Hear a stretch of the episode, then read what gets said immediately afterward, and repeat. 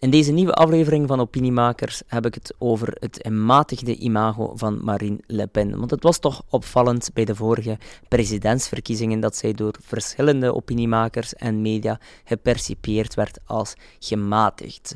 En ik heb hier vanuit de gedragswetenschappen twee verklaringen voor en uh, ja, deze licht ik toe, bespreek ik nog aan de hand van enkele andere cases en uh, ja, geef ik ook enkele inzichten hoe het nu komt dat Marine Pen als gematigder werd gezien. Heel veel inspiratie gewenst.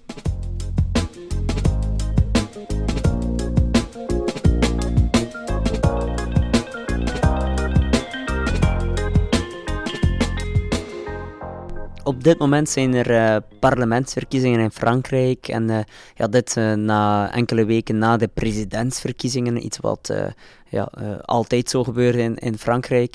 Maar uh, het is toch opvallend, uh, al, alhoewel dat nu in de parlementsverkiezingen het vooral gaat over het linkse blok ten opzichte of versus Emmanuel Macron, ging het bij de, de presidentsverkiezingen vooral over Macron versus Marine Le Pen. Terwijl dat ja, dus Macron eerder de centrumkandidaat is, is, is Marine Le Pen eerder de de outsider, de, de partij aan de eerder extremere kant, zo, zo toch uh, wordt het in de media gesteld.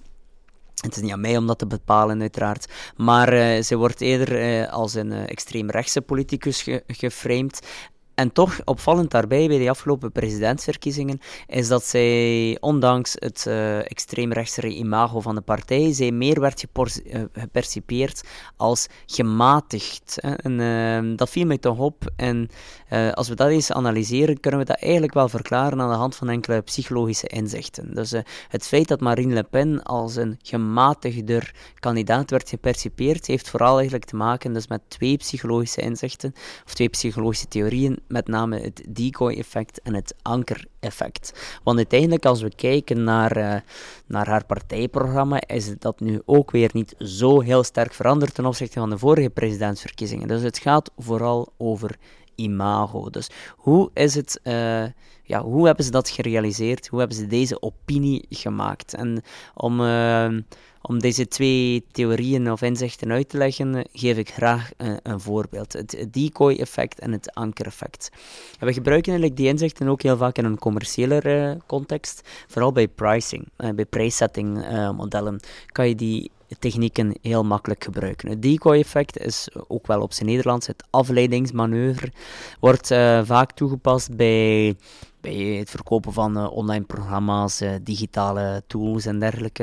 En wat je dan gaat doen is, eh, als je een aanbod hebt, bijvoorbeeld je, je favoriete aanbod, en dan nog een small versie, dan gaan ze soms een decoy toevoegen om de middelste optie beter te doen lijken. En bijvoorbeeld als ik een, uh, ik zeg maar iets hypothetisch, als ik een uh, online cursus verkoop en de online cursus um, zonder begeleiding kost een 100 euro, die met persoonlijke begeleiding kost 150 euro. En dan de online cursus met persoonlijke begeleiding en twee jaar opvolging kost 155 euro. Uh, puur hypothetisch, dan is eigenlijk die van 150 euro het decoy voor die van 155.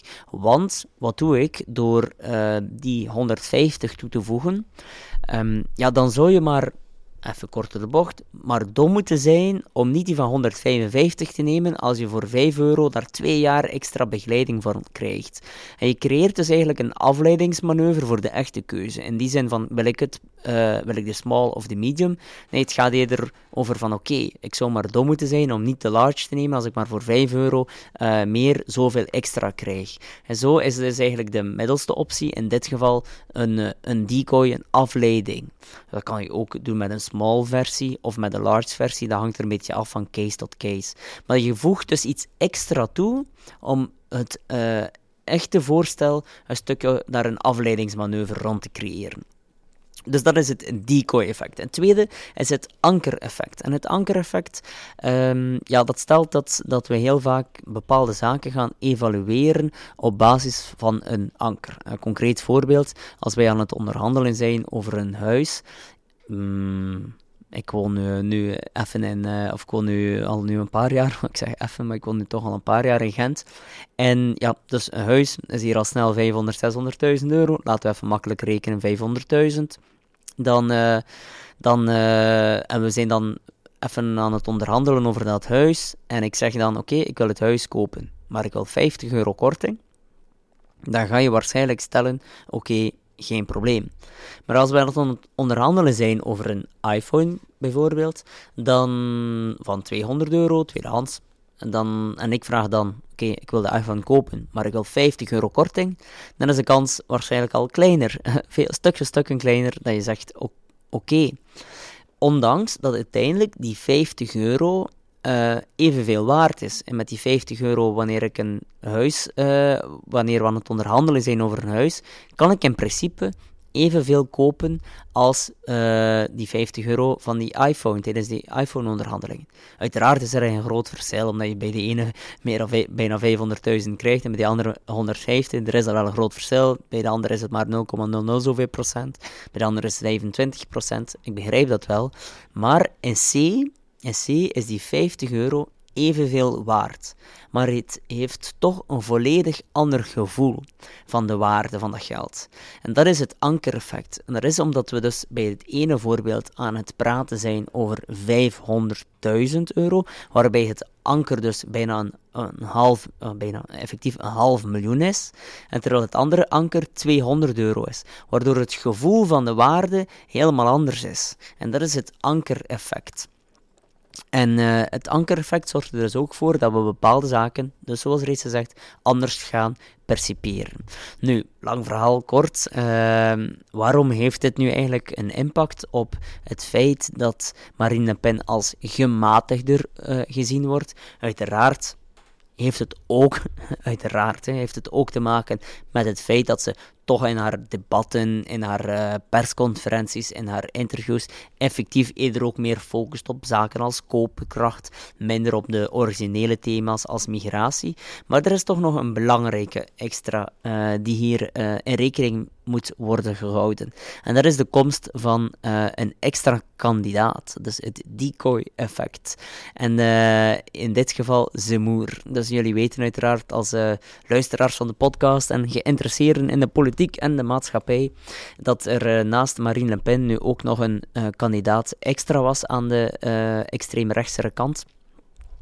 Erik Zemoer. En het feit dat Erik Zemoer erbij is gekomen, die op vele thema's en in vele communicatiemomenten veel, veel harder was, veel extremer, veel directer, zorgde dat er eigenlijk voor dat Marine Le Pen dus eerder als een gem, eerder gematigder overkwam. Dus het ankereffect sorry, het decoy-effect. Dus het decoy-effect. Dus Erik Seymour werd eigenlijk gezien als een stukje decoy voor de communicatie van uh, Marine Le Pen. En anderzijds, omdat Erik Simoer dus ook nog uh, verder ging in de communicatie, was er dus ook een anker, een ander anker. En als je dan Erik Simoer vergelijkt met Marine Le Pen, dan is Marine Le Pen iets gematigder. En daardoor werd dus eigenlijk Marine Le Pen ook als een gematigder uh, kandidaat gezien. Ik, ik, herinner me bijvoorbeeld uh, de Nederlandse verkiezingen in 2017, als ik het goed heb, dat Mark Rutte gezien werd als winnaar, terwijl zijn, huidige, zijn toenmalige coalitie gedecimeerd werd met 50%. En hij zelf ongeveer 33% van zijn zetels verloor. En toch werd hij gezien als de winnaar van de verkiezingen. Dat had eigenlijk te maken met een bepaald anker die werd gecreëerd dat extreem, extreme partijen de absolute meerderheid zouden halen. Met name in Amerika won Trump de verkiezingen en in, in, in Groot-Brittannië vond de Brexit plaats.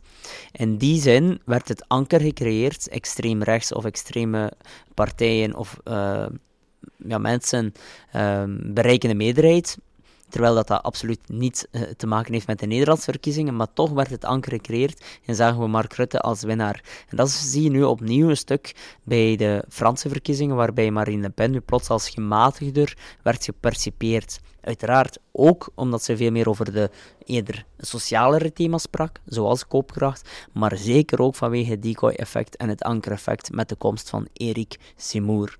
Dus toch wel weer een interessant, uh, een interessant inzicht waarbij psychologie ervoor zorgt dat we toch een andere opinie maken.